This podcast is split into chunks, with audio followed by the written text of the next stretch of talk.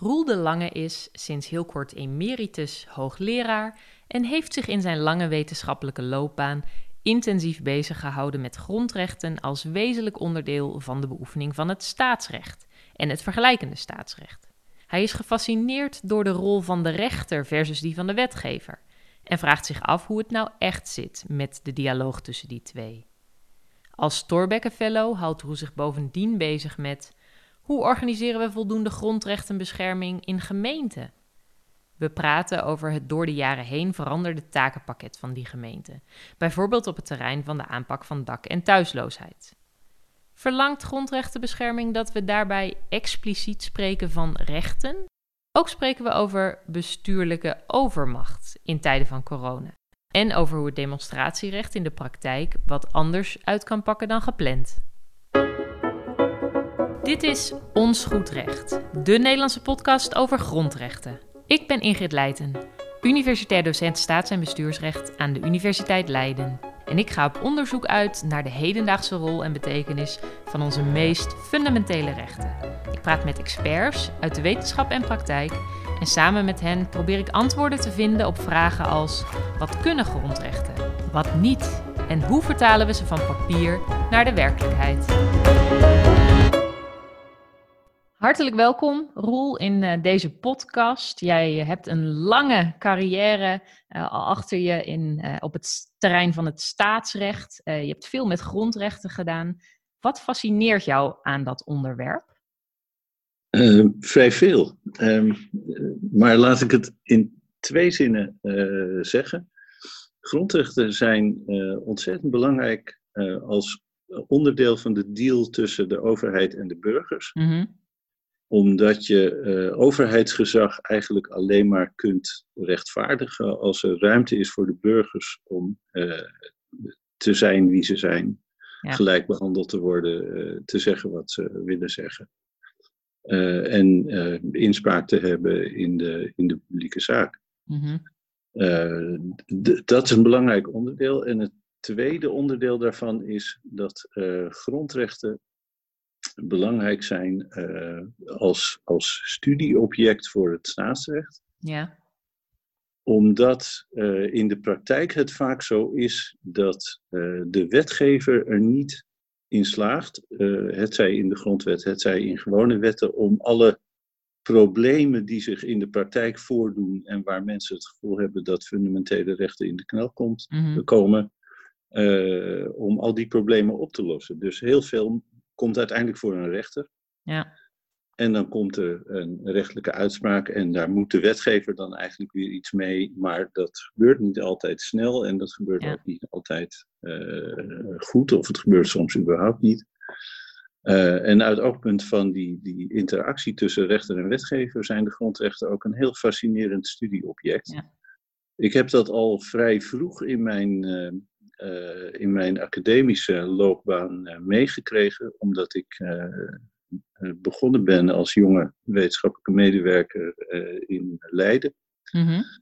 En daar was men toen net bezig om het belang van het Europese Verdrag voor de Rechten van de Mens te ontdekken. Ja, ja. Uh, en daar zat meteen ook die, die, uh, ja, die staatkundige kant aan. Hè? Die rechterwetgever thematiek. Dat heeft mij altijd maatloos geboeid. En dat is nooit weggegaan. Ja. En daar is dus ook wel echt een rol voor de wetenschap, uh, zeg jij, om, om ook de politiek, bestuurders daarop te wijzen, op dat belang en die betekenis van die grondrechten. Uh, ja, in de zin dat je, uh, dat je natuurlijk in de praktijk ziet dat, uh, laten we zeggen, de meeste overheden niet vanzelf ruimhartig zijn. Mm uh, sommigen ook het gevoel hebben dat uh, fundamentele rechten van de burgers in de weg zitten. Uh, ja. Je wil daadkrachtig, slagvaardig, snel, efficiënt, doelgericht optreden. En dan komt er iemand roepen: ja, maar mijn grondrecht. Mm. dat is af en toe knap hinderlijk. En je hebt ook mensen die met dwarse meningen, zeg maar, ja, dwars door het overheidsbeleid heen fietsen. Mm uh, of die gaan betogen op, het mom op momenten die de overheid slecht uitkomen.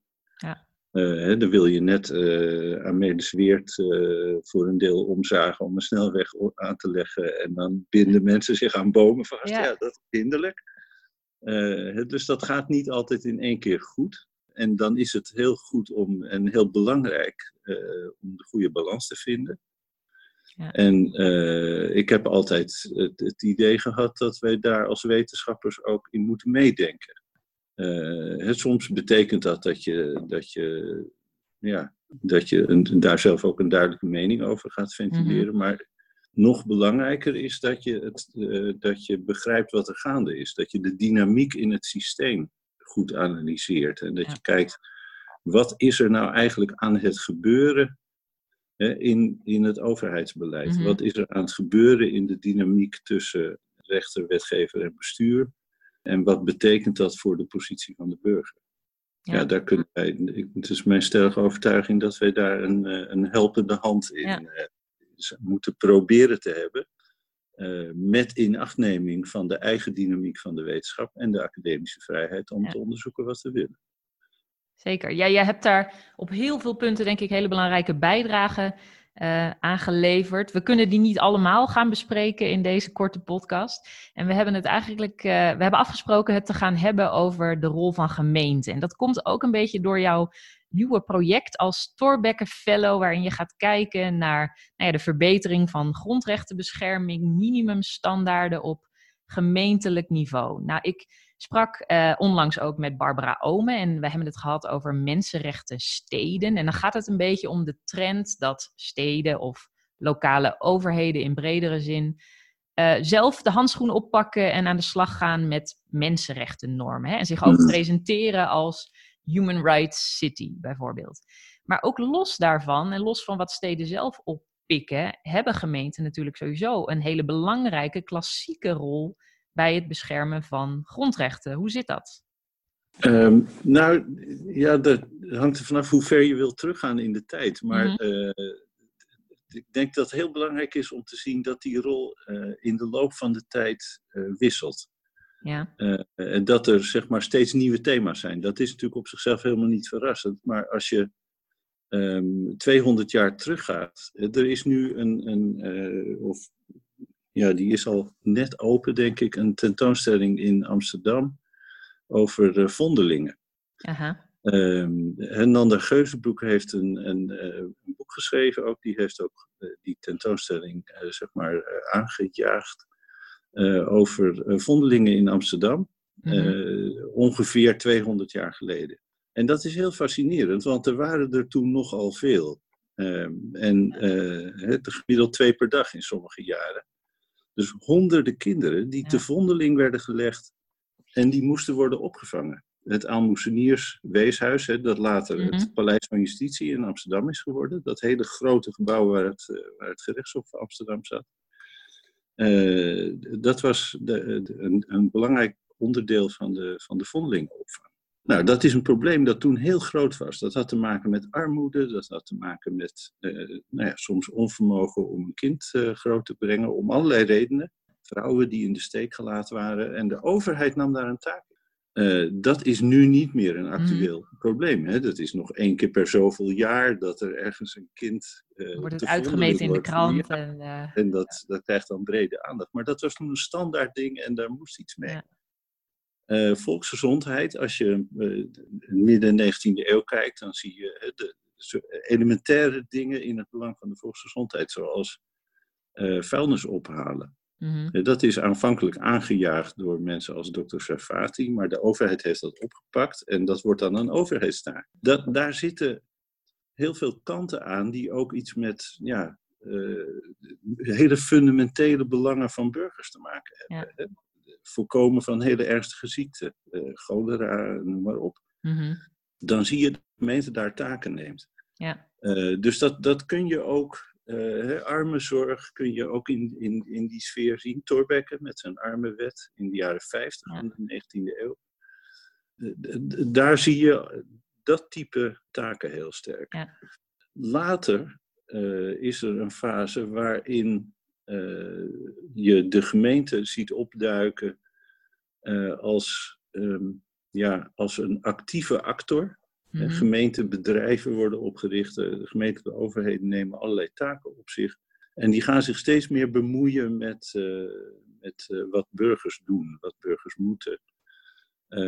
ze gaan regels maken over winkelsluitingen en dat mhm. soort dingen. En dan ontstaat er een beetje het gevoel van, is dit nog allemaal uh, in balans. Hè? Moeten we niet die burger daar ook een beetje tegen beschermen? En dan zie je dat uh, zaken voor de rechter komen, eind 19e eeuw. Uh, heel veel zaken waarin burgers zich op hun eigendomsrecht beroepen. Mm-hmm. Om zich te verzetten tegen activiteiten die de gemeente onderneemt. Ja, ja, en dan zegt maar dit raakt mijn eigendom. Dat was toen nog artikel 625 geloof ik van het Burgerwetboek. En als je de jurisprudentie van die tijd bekijkt, kom je heel veel zaken tegen waarin burgers zich op dat soort dingen beroepen om die overheid van zich af te houden. Uh, en dat verschuift langzamerhand een heel klein beetje. Uh, maar de Hoge Raad heeft al in de eerste decennia van de 20e eeuw uh, gezegd dat de overheid zich niet te veel moet bemoeien met wat toen genoemd werd hè, de bijzondere belangen van de ingezeten. En als de overheid de regels maakt, en de gemeentelijke overheid de regels maakt, dan moet die, uh, wat wij nu noemen de ondergrens van de mm verordenende bevoegdheid, moet die respecteren. En die ondergrens, dat zijn de, ja. dat zijn de burgers. Ja. Dus dat, niet te enthousiast zijn ook. Uh... Nee, en dat kun je zien als een vroege vorm van, van grondrechtenbescherming. Ja. Uh, dat is voordat er internationale verdragen waren waarin die grondrechten werden vastgelegd. Uh, dat zie je eigenlijk al in, in 1910, 1920, zo die periode, zie je dat een beetje opduiken.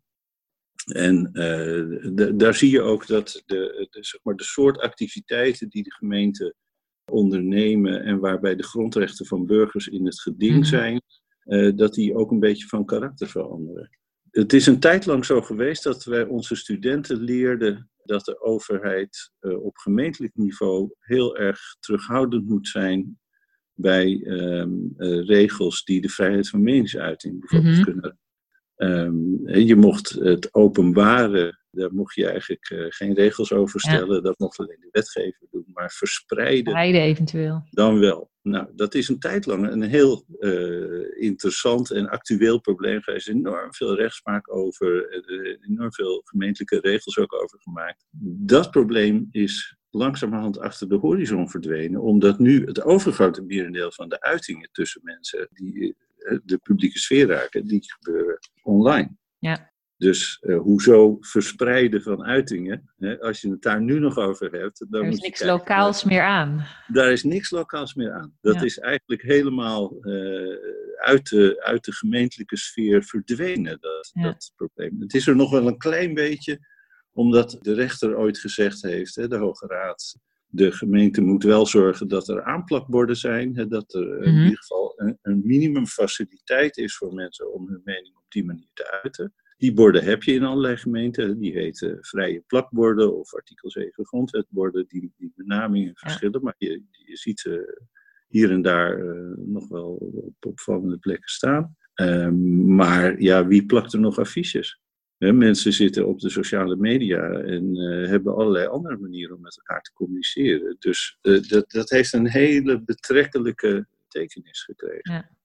Dus het hangt er heel erg vanaf naar welke periode je kijkt, maar hoe je die rol van de gemeente ziet. En wat je nu ziet uh, in, de, in de huidige periode, denk ik, is dat de gemeente ook weer allerlei nieuwe taken en nieuwe mhm. aandachtspunten hebben gekregen. Dat sommige problemen die een tijd lang grondrechtelijk vlak de gemeente hebben bezig gehouden, niet meer zo belangrijk zijn, maar dat er andere problemen voor in de plaats gekomen zijn. Problemen van uh, discriminatie, mm -hmm. problemen van toegang tot uh, voorzieningen. Ja. Problemen van uh, nou ja, verstandig omgaan met alle diverse meningen die er in de gemeente zijn. Zorgen dat mensen elkaar niet in de haren vliegen. Ja. Mensen die willen demonstreren, dat die daar ook altijd ruimte voor hebben. En ook ja. als, er, als er tegendemonstraties zijn, dat je daar dan op een, op een goede manier mee omgaat dat je als, als gemeente kan zeggen, als burgemeester kan zeggen, nou jullie op plek A en die anderen op plek B, maar dan gaan dan maar allemaal tegelijk. Dus dat toch, uh, leef je uit. Ik heb er geen mening over. Uh, dat zijn nog steeds problemen die er zijn en, en uh, die zijn misschien in sommige situaties ook heel lastig. Ja. Het misschien straks ook nog wel even over hebben. Die, die, die problemen zijn wat ouder. Ja. Dit eigenlijk de traditionele problemen, maar ja, omdat de gemeente in dat opzicht toch vaak de plek is waar mensen mening wil uiten. Ehm, en de bevoegdheden om daar uh, een beetje regulierend mee om te gaan bij de burgemeester liggen, kun je zeggen dat dat een, uh, een blijvertje is Ja. in, het, in het grondrechtenrepertoire. Ja, dan, dan hebben we het ook een beetje over hè, die, die, die klassieke rechten, zoals demonstratierecht en de expliciete taak die de gemeente daar via de wet openbare manifestaties ook, uh, ook bij heeft. Uh, maar je zegt terecht ook, het is interessant dat we, hoewel dat vroeger ook misschien zo was, armoedebestrijding, maar dat we ook dat soort die sociale taken weer wat, wat meer bij de gemeente terecht zien komen. En dat hangt natuurlijk ook samen met de decentralisaties in het sociaal domein uit 2015, hè, waarin een aantal gebieden weer expliciet zijn gedecentraliseerd, al dan niet met, uh, met voldoende budget daarbij. Mm. Uh, ook als je kijkt naar het, het Nationaal Actieplan Mensenrechten, dat gaat echt over toegang tot voorzieningen dit keer, verschenen eind uh, 2019. Dus ook in de kern meer een focus op sociale rechten en een grote taak voor de gemeente. Ja. Dat, wat, wat zijn daar de, de uitdagingen nog, ook voor gemeenten? Nou ja, de, de, daar liggen uh, voor een deel nieuwe accenten, maar ook daar uh, kun je zeggen, sommige problemen zijn er al lang. Het dakloosheid is er één Mhm. die eruit springt. Uh, de woningnood in Nederland is natuurlijk onbegrijpelijk groot, al, Ja. al tientallen jaren. Uh, ik ben uh, echt vanaf mijn vroegste jeugd uh, altijd heb ik dat woord woningnood gehoord. Dus ik ben Mhm. ook opgegroeid met het feit dat er woningnood bestond. en dat is nog steeds zo. zonder dat je aan mensen kunt uitleggen hoe dat nou allemaal komt. Maar het is een groot probleem. En er zijn grote aantallen daklozen. En het is primair de taak van gemeenten om die op te vangen. Uh, vaak zijn dat ook ja, plaatselijke mensen. Daklozen uh, verkassen wel af en toe van, van de ene plek naar de andere. Uh, maar dan zie je ook meteen dat niet alle gemeenten dezelfde definitie van dakloosheid hebben. Mm-hmm. je hebt, zeg maar, ja, ik noem dat maar even frictiedakloosheid. Hè? mensen liggen in echtscheiding en hebben even geen onderkomen. Ja. Dat is een totaal ander verschijnsel dan mensen die uh, op straat verkommeren als het winter is. Ja. Dat, dat is een heel ander soort probleem. En daar moet je ook andere oplossingen voor hebben. Maar daar zie je ook dat, de, de, de, dat ook de etiketten al niet meer helemaal dezelfde zijn in plaats A en plaats B. Uh, en ook de inschattingen van de aantallen zijn, uh, zijn, zijn Ja. anders. Tegelijkertijd, waar, waar anders dan op lokaal niveau kun je dat soort problematiek überhaupt zien, hè? Exact. Dat, dat krijg je op lokaal niveau uh, krijg je dat, uh, voor je neus. Ja. En dan ligt het ook voor de hand dat je op lokaal niveau oplossingen gaat, uh, gaat proberen te vinden. En hoe groot het probleem is, dat weten wij niet precies. Mm-hmm. er is een, een, een, een, Engelse schrijfster die vorig jaar een boek over dit soort problemen geschreven heeft. Die noemt dat uh, tellen met een zonnebril op. Uh, mm-hmm. hè, dat is wat ze de Britse overheid verwijt. Die schatten aantallen systematisch te laag. Uh, in Nederland hoor je in de media voortdurend het aantal 40.000. Maar als je het aan het leger des Heils vraagt, zeggen ze het zou er ook wel eens 100.000 kunnen ja, zijn. Ja, ja. we weten het niet precies. maar het zijn er veel. En 40.000 is natuurlijk al een fors aantal. Als je zegt er zijn ongeveer 400 gemeenten in Nederland, dan zijn er dus gemiddeld per gemeente ongeveer 100 mensen dakloos. Dat is een stevig probleem. Dat is een stevig probleem. Het is, het is een grondrechtenprobleem. Hè? Dat, ja. eh, ook als we kijken naar een internationaal mensenrechtelijk kader. Eh, toch kun je je afvragen of het altijd voldoende in, in termen ook van rechten wordt, wordt besproken. Hè? Gisteren verscheen van uh, staatssecretaris Blokhuis de aanpak van dak- en thuisloosheid. Een thuiskomst heet dat. Daar wordt van alles uh, afgesproken, bedacht, uh, rol voor gemeenten, maar over rechten, hè, dus, dus dat je eigenlijk een recht hebt om door de overheid ook geholpen te worden Mhm. op dat punt, dat dat een mensenrecht is, dat ontbreekt nog wel eens. Ja. Dat ook, is dat erg? Nee, ik vind dat niet zo erg als iedereen maar snapt dat het een belangrijk probleem is dat we Mhm. met z'n allen moeten oplossen. Dan uh, hoeft het voor mij niet over rechten te gaan. En daklozen hoeven ook vooral niet te, te moeten gaan procederen om iets voor elkaar te krijgen. Dat lijkt me helemaal de verkeerde weg. Hè? Dus je kunt, een, je kunt een probleem ook te juridisch maken. Mhm. En dan is het net alsof het van ons is. Hè? Wij zijn dan de juristen. En, eh. Maar dat is natuurlijk hier niet zo. Iedereen snapt dat het vreselijk is om geen dak boven je hoofd te hebben. Ja. En daar heb je eigenlijk helemaal verder geen, eh, geen juridisch discours zeg maar, per se voor nodig. Tegelijkertijd, er zijn allerlei ja, verdragen en grondwetten waarin wel iets Ja. staat over eh, overheidsbeleid in het kader van de volkshuisvesting en eh, een fundamenteel recht om Ja. een, dak boven je hoofd te hebben. Eh, en dat wordt in heel veel landen natuurlijk ook helemaal niet gehaald. Eh, zo Nee. is het ook weer een keer. Er is ontzettend veel armoede die, die simpelweg eh, ook meebrengt dat mensen in kartonnen dozen en, en bidonvieren in, in, in armoedige blikken wonen. Hoe je dat precies noemt in termen van mensenrechten, dat vind ik eigenlijk minder belangrijk dan eh, dat je over oplossingen nadenkt. Dus in die zin, ik heb dat stuk van Blokhuis nog niet eh, ge- gezien. Ik heb hem wel op tv zien uitleggen wat hij in gedachten had. En dat, hij heeft daar niet dat nationaal actieplan bij genoemd. Dat hoeft voor mij ook helemaal niet. Maar eh, daar staat het ook in. Ja. En bij de, bij de presentatie van het eh, actieplan waren er ook, dat was heel eh, aardig en leuk en in- interessant ook wel. Daar waren ook nogal wat mensen van dakloze clubs, zeg Mhm. maar, de, de belangenorganisaties Ja. die ze ook hebben. Eh, in veel gevallen zijn dat dan inmiddels ex-daklozen, maar die Ja. wel degelijk eh, precies weten wat er speelt. Ja. En ook hulpverleners. Eh, ik heb er ook een aantal gesproken bij die bijeenkomst. Mensen die zich intensief met die problematiek bezighouden.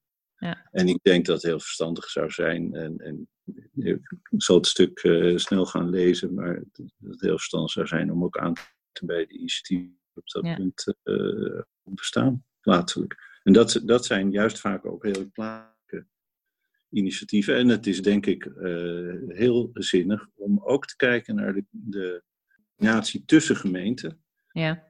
Hè, want eh, gemeenten kunnen elkaar hier ook in helpen, denk Mhm. ik. En in ieder geval zou het zinvol zijn als ze nou eindelijk eens afspraken wat ze precies onder daklozen willen verstaan. Ja, Zodat precies. je niet in de ene plek eh, net weer buiten de boot valt, terwijl je in een andere plek eh, wel goed eh, opgevangen bent. Ja. Ja, de- dus als ik jou wel goed begrijp, je zegt we moeten meer ervoor zorgen dat we die probleemdefinitie goed hebben dan, dan dat we per se alles in termen van recht moeten Ja, Ja, Ik, moet Ja. zeggen, ik vind het soms toch wel jammer hoor, dat dat, dat dat perspectief een beetje ontbreekt. En je zegt terecht, denk ik, van ja, we moeten niet denken dat dat zijn allemaal dingen die je dan kunt claimen of waarmee je naar de rechter moet. Maar dat is natuurlijk ook een onderliggend probleem, dat we bij recht meteen denken, oh, dan moet de rechter het oplossen. Want je kunt natuurlijk Mhm. prima een, een mensenrecht hebben eh, en dat in, ja, in beleid naar voren willen brengen, zonder dat dat daar meteen eh, enorm gejuridiseerd eh, Mhm. moet worden. Hm.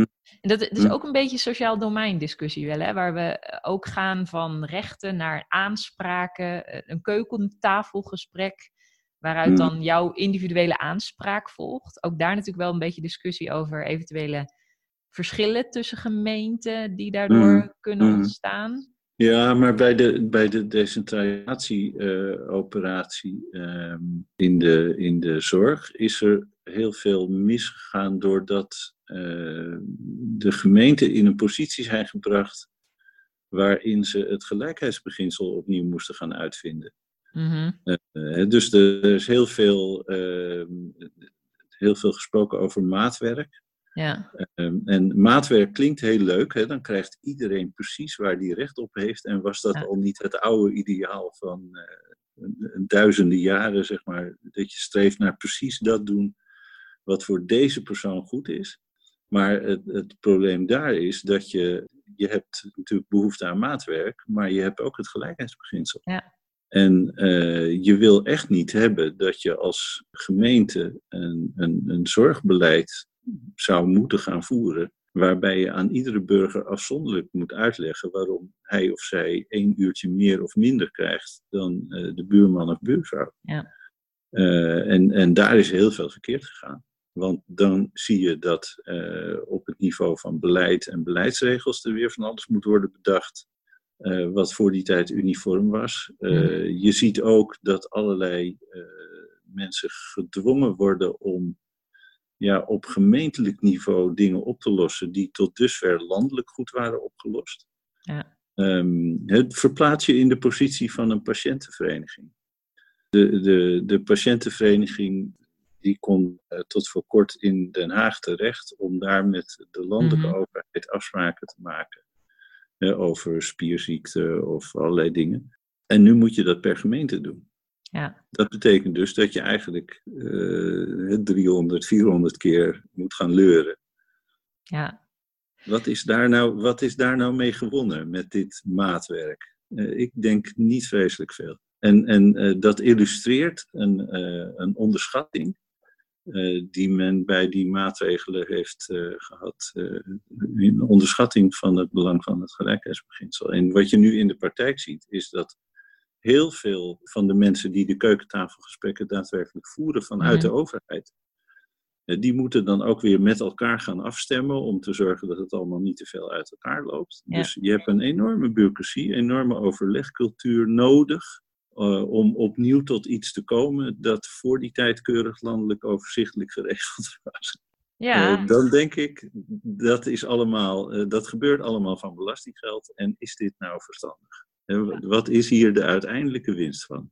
Ik weet dat niet goed, want die burger, hè, de, je kan, kan denken, ja, die burger kan dan een tijdje het gevoel hebben dat hij erbij wint, omdat hij heel individueel behandeld wordt. Mhm. Maar wat je uiteindelijk ziet is alleen maar onzekerheid. Eh, of in ieder geval heel veel onzekerheid. Hè. Is, gaat dit wel goed en, en eh, word ik niet op een verkeerde manier afhankelijk? Eh, dat, dat gevoel is er ook heel sterk. Ja.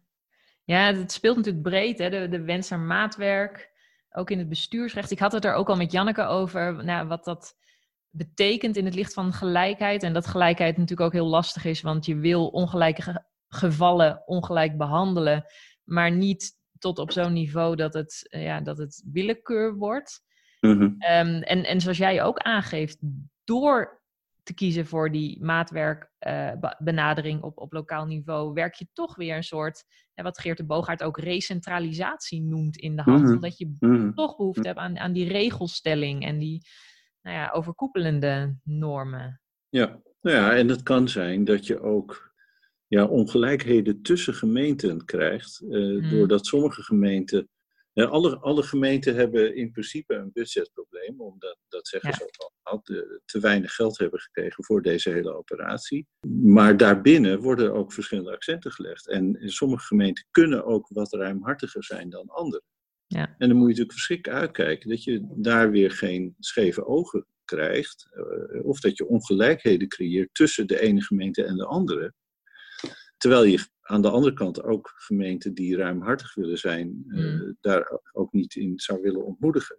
Maar nou ja, het, het moet niet eh, uitdraaien op zeg maar, het verkeerde soort ongelijke behandeling. Ja, En dat je plotseling heel veel beter af bent als je in eh, gemeente A woont in plaats van in buurgemeente B. En ik heb daar voorbeelden van gehoord. Ik, ga nou, ik noem nou verder geen namen, want het gaat niet over die specifieke Mm. gemeente. Maar er zijn gewoon voorbeelden uit de praktijk die je kunt horen als je met mensen praat die zich daarmee bezighouden. En daar zie je dit heel goed geïllustreerd. Ja, dat blijft een constante spanning. Ik denk ook wel, dat heeft er ook wel mee te maken dat het natuurlijk lastig is om ook een, een soort minimumstandaard te identificeren. Hm. Waar, waar iedereen Hm. zich dan aan zou moeten houden. Dus een beetje de illusie als we het ook hebben over sociale bescherming. Dat we in ieder geval Ja. een minimum moeten bieden. Maar hoe leggen we dat dan in vredesnaam vast? Ja, nou dat is in, in het geval van die zorgdecentralisaties, eh, eh, zou je zeggen, kun je een minimum nog wel vastleggen, maar de, de differentiatie en de omgang in de praktijk met het Mhm. maatwerk is dan een probleem. Eh, waar het makkelijker ligt, hè, daar, daar zijn in het kader van dat actieplan Mensenrechten ook discussies over gevoerd. Ehm, dat is bijvoorbeeld op het terrein van parkeerbeleid, eh, parkeervergunningen voor gehandicapten. Dat is een heel mooi voorbeeld. Eh, want het is namelijk niet zo moeilijk om het goed te doen, maar iedere Ja. gemeente doet het anders. En als gehandicapte word je daar dus helemaal gestoord van. Eh, een goede vriendin van ons die had eh, ALS en eh, die wilde af en toe met de ALS-auto naar gemeente A en gemeente B. Ja. En dat, zij was eigenlijk tot het laatst toe heel ondernemend. En dan ging ze samen met haar man met de ALS-auto op pad. Ja. Je werd helemaal gek van hoe je dan een parkeervergunning moest zien te krijgen. Je bent daar totaal van afhankelijk. Ja. En, en zeker in, in uh, wat grotere steden waar het uh, druk is met auto's en de afstanden tegelijk ook redelijk groot zijn, dan, dan moet je gewoon je speciale parkeerplek hebben. En Ja. dat blijkt dan in iedere stad weer anders.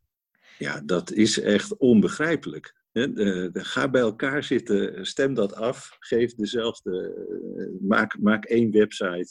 Ik heb eigenlijk niet goed begrepen waarom gemeenten dat niet al lang netjes hebben opgelost in het belang van. eh, ja, dat zijn grote aantallen mensen die daarmee te maken hebben. Dat, dat, zijn, dat zijn geen honderden, dat zijn duizenden mensen die, Ja. die eh, hiermee geconfronteerd worden. Los dat op. Dat is niet zo moeilijk. Ja, het gaat dus niet alleen om, om doe het goed, maar doe het ook ja, op een manier die praktisch eh, werkbaar Ja, is. Ja, Daar eh, gaan dus, grondrechten dan natuurlijk ook eh, Dus over ik- uiteindelijk. dus dat je niet zegt van eh, doe het goed, eh, maar in Leeuwarden doe je het heel anders goed Ja. dan in, eh, in Vlissingen of Ja. eh, in Maastricht of zo. Nee, Ja. maak even gewoon één landelijke website en daar kan je dan de gemeente op intypen waar je naartoe gaat en boem.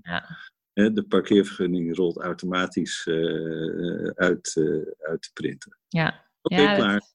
Ook, ook eh, wel de, de reality check van, eh, van lokaal beleid, wat misschien op papier heel, eh, heel prachtig lijkt. ja, en we- hier is het heel onhandig. Ja, we, En toen we het hadden over toegang en toegankelijkheid. Ja. in, als je, toegankelijkheid is het centrale thema van het actieplan. En dat sluit ook aan bij dingen die bijvoorbeeld het College voor de Rechten van de Mens al, al wat langer benadrukt. Maar ook andere, de Nationale Ombudsman, decentrale overheden. Er zaten ook allerlei mensen eh, zeg maar, om, om dat actieplan heen die hebben Ja. mogen meedenken erover. Eh, en als je dan in dat centrale thema toegankelijkheid denkt, dan zijn natuurlijk de verplichtingen die voortvloeien uit het uh, gehandicaptenverdrag, waar Nederland partij bij is, Mhm. die zijn ontzettend belangrijk. En daar, wordt nu, daar is natuurlijk wel oog voor. Daar, wordt ook, daar wordt ook wel goed over nagedacht. Ja. Maar met dit soort simpele dingen als zo'n parkeervergunning zie je dan dat het toch. eh, Ja. de- je, je, je moet het eh, wel bij de gemeente laten liggen, denk ik. ja, Maar niet op zo'n manier dat ze het allemaal anders doen. ja. Dat is niet handig. De, de, de praktische kant van eh, gemeentelijke grondrechtenbescherming, dat hebben we natuurlijk ook eh, afgelopen weekend goed gezien. Hè? Demonstraties in Amsterdam, grote discussie. Dat is een van de uitdagingen, denk ik, de uitdagingen, denk ik, die je ziet in tijden van corona, waar, waar gemeenten eh, voor staan. Misschien wil je daar nog wat over kwijt. Over het demonstreren in tijden van corona. Nou ja, is- of, of in bredere zin, eh, gemeentelijk eh, praktische problemen in, in tijden van eh, corona. Nou ja, wat we, wat we kennen uit, de, uit de, de studie van het eh, betogingsrecht, eh, dat is het, het eh, verschijnsel bestuurlijke overmacht. Mhm. En eh, dat zie je natuurlijk af en toe, eh, juist in tijden van een, ja, een uitbraak, waar mensen zich tegen moeten beschermen door Mhm. hele drastische maatregelen, die voor een deel de overheid oplegt, maar voor een deel ook de overheid adviseert. Hè, want heel veel coronamaatregelen eh, die worden wel gepresenteerd als enigszins dwingend, maar het zijn vooral adviezen. En omdat mensen zelf verstandig nadenken, hebben ze ook heel veel van die adviezen opgevolgd. Eh, en blijven ze op afstand van elkaar en gaan ze niet elkaar in het gezicht hoesten. En, en eh, doen ze allemaal verstandige dingen. Ze blijven thuis. eh, ze werken thuis eh, als het enigszins kan. Eh, heel veel essentiële eh, beroepen kunnen niet thuiswerken. Nou ja, dan ga je dus naar je werk. Dat geldt voor de mensen in de zorg, maar dat geldt ook voor de postbode en dat geldt voor een heleboel andere mensen. Mhm. Eh, dat werk moet nou eenmaal daar gedaan worden. Eh, maar dan zie je ook nog steeds dat iedereen ook daar heel verstandig en voorzichtig is geweest. Ja. Eh, dus het is niet alleen een kwestie van overheidsbeleid, het is ook een kwestie van hoe mensen zelf ermee omgaan. En, en ten opzichte van elkaar verstandig zijn geweest. Eh, maar er zijn problemen eh, die mensen ertoe brengen om de straat op te gaan, Ja. waarbij de emoties zo groot zijn dat ze hun voorzichtigheid simpelweg even overboord gooien. Ja. Ehm, en dat is raadselachtig, uh, dat dat zo plotseling gebeurt. Dat, dat, dat zag niemand aankomen. Mhm. Maar het is in Londen gebeurd, het is in Parijs gebeurd, het is in Nederland, in Amsterdam, Den Haag, Rotterdam gebeurd. Ja. Uh, het is een, een, verschijnsel dat zich niet tot één plek beperkt. Dus je kan ook niet zeggen, je, je moet daar alleen maar lokaal naar kijken. Nee, het is een, een veel breder verschijnsel. Ja.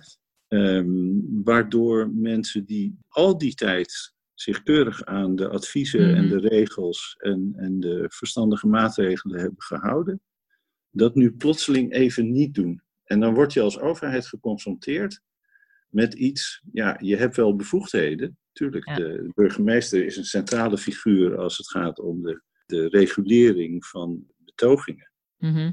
Uh, met uitzondering van alles wat de inhoud van de betogingen betreft. Hè, daar Ja. zegt de wet natuurlijk overduidelijk uh, over dat de uh, burgemeester daar zich niet mee mag bemoeien en er ook eigenlijk geen standpunt over mag hebben. Nou, dat doen eigenlijk alle burgemeesters in Nederland doen dat keurig. Um, en uh, dan toch nog steeds, hè, je hebt een, een uitgebreide set bevoegdheden, kan het zijn dat het een keer misgaat. Ja, omdat het dus steeds ook een wisselwerking is van de bevoegdheden en de regels en hoe daarop Ja. wordt gereageerd. Ja.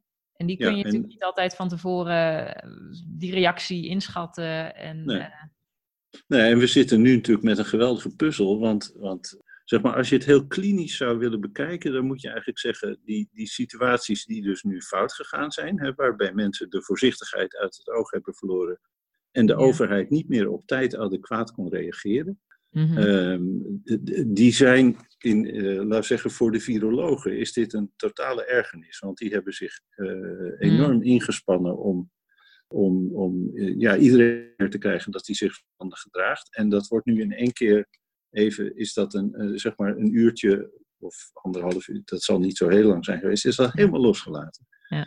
Eh, dan kan er dus iets ook weer helemaal misgaan in termen van een uitbraak. Ja. Ehm, en en eh, als je het heel klinisch bekijkt, moet je eigenlijk zeggen: dit is dus een, een experiment dat je niet had willen hebben. Mhm, mhm. ongepland, ongewild, eh, maar met enorme consequenties in de ene of andere richting. Want als er nu een uitbraak volgt, kan het alsnog zijn dat er weer eh, drastische Mhm. maatregelen moeten worden genomen. Ja. Eh, dat je, een, een tweede uitbraak kan ook een tweede lockdown uitlokken. Ja, ja. En dan gaan al die mooie vakantieplannen weer overboord. Mhm. Maar omgekeerd, als het nou niet fout gaat, ja. hè, er gebeurt niks. Dan komen natuurlijk al die mensen die een festival hadden willen organiseren en die nu gezegd hebben, ja sorry, dat kan niet. Hè, eh, met meer dan eh, een paar mensen op een grasveld staan is gevaarlijk. Ja. Die zeggen dan, ja ho ho, als je met 5000 op de Dam kan staan, dan kan je ook met 5000 op Lowlands eh, staan.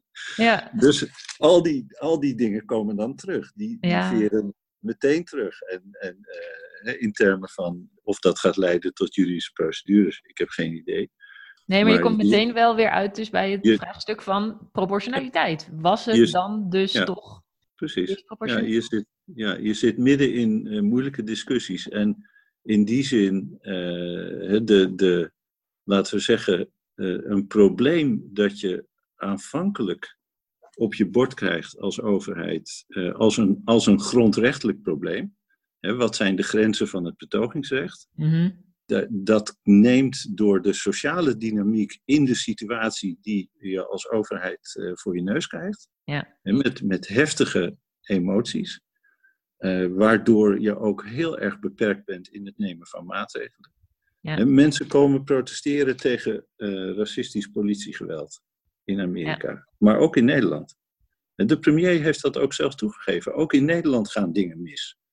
Ja. En de zaak Enriquez is er om ons daar ook Mhm. eh, hardhandig aan te herinneren. hè. Dit gaat niet alleen over Amerika. Dus Zeker mensen niet. komen daar om te pro- eh, protesteren tegen politiegeweld. En dan sta je daar met een paar agenten. Want je dacht dat er maar een paar demonstranten zouden komen. Ja, dan kan je ze toch Ja. niet in uniform allemaal gaan wegjagen. Eh, daarvoor staan ze daar.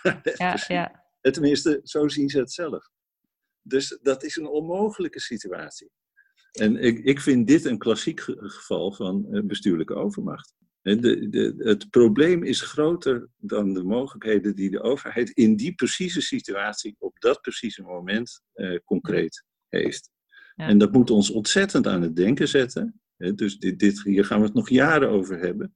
Ja. Uh, plus dat de gezondheidseffecten van dit uh, gebeuren uh, in de ene of de andere richting ook significant zullen zijn. Ja.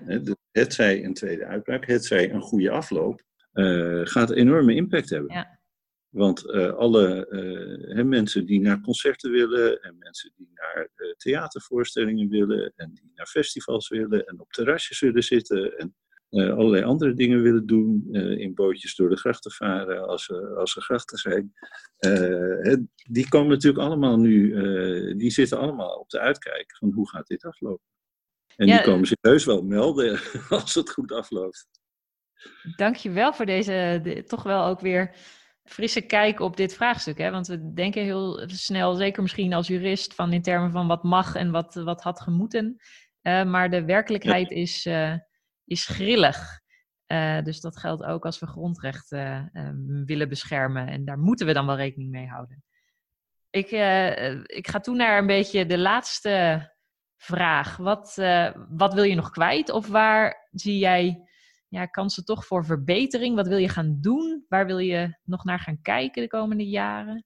Oh, ik ben nu heel erg bezig. en dat is, dat is potentieel ook op het punt van grondrechten interessant Mhm. Daar, daar is ook in, in, laten we zeggen, in grondrechtenland ook uh, redelijk wat aandacht al aan besteed. Maar wat mij van oudsher fascineert, dat is eerder ook al eventjes aanduiden, Mhm. dat is die dynamiek van uh, rechter en wetgever. Wij, wij werken in Nederland uh, met een, een, dialoogmodel, het idee Ja. van interactie tussen rechter en wetgever. En natuurlijk is het evident dat de rechter heel gevoelig is voor de signalen van de wetgever. Nogal logisch. Ja. Um, maar is het omgekeerde ook het geval? Uh, dat is een, een onderzoeksvraag die, die echt belangrijk uh, is en waar in, ja, enigszins verrassend nog niet zoveel onderzoek naar gedaan is dat je zegt, we weten al precies hoe dit zit. Dus dat kun je op gemeentelijk niveau onderzoeken, dat kun je op landelijk niveau onderzoeken. Um, als je dat ook nog even wil toespitsen op gemeenten, dan, dan kun je terug naar uh, het beroemde arrest van de Hoge Raad over de Wilnisser vissen um, uit 1922. Uh, dus we moeten even goed opletten wanneer dat ding 100 jaar is. Daar moeten we eigenlijk ja. een feestje van maken.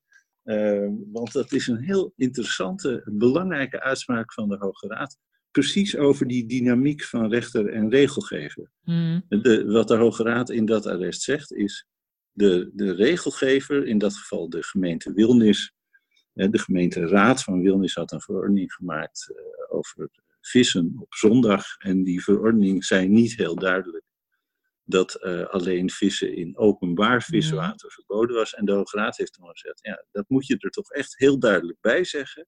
En als je dat niet doet, dan, uh, ja, dan kunnen we die bepaling dus helemaal niet toepassen.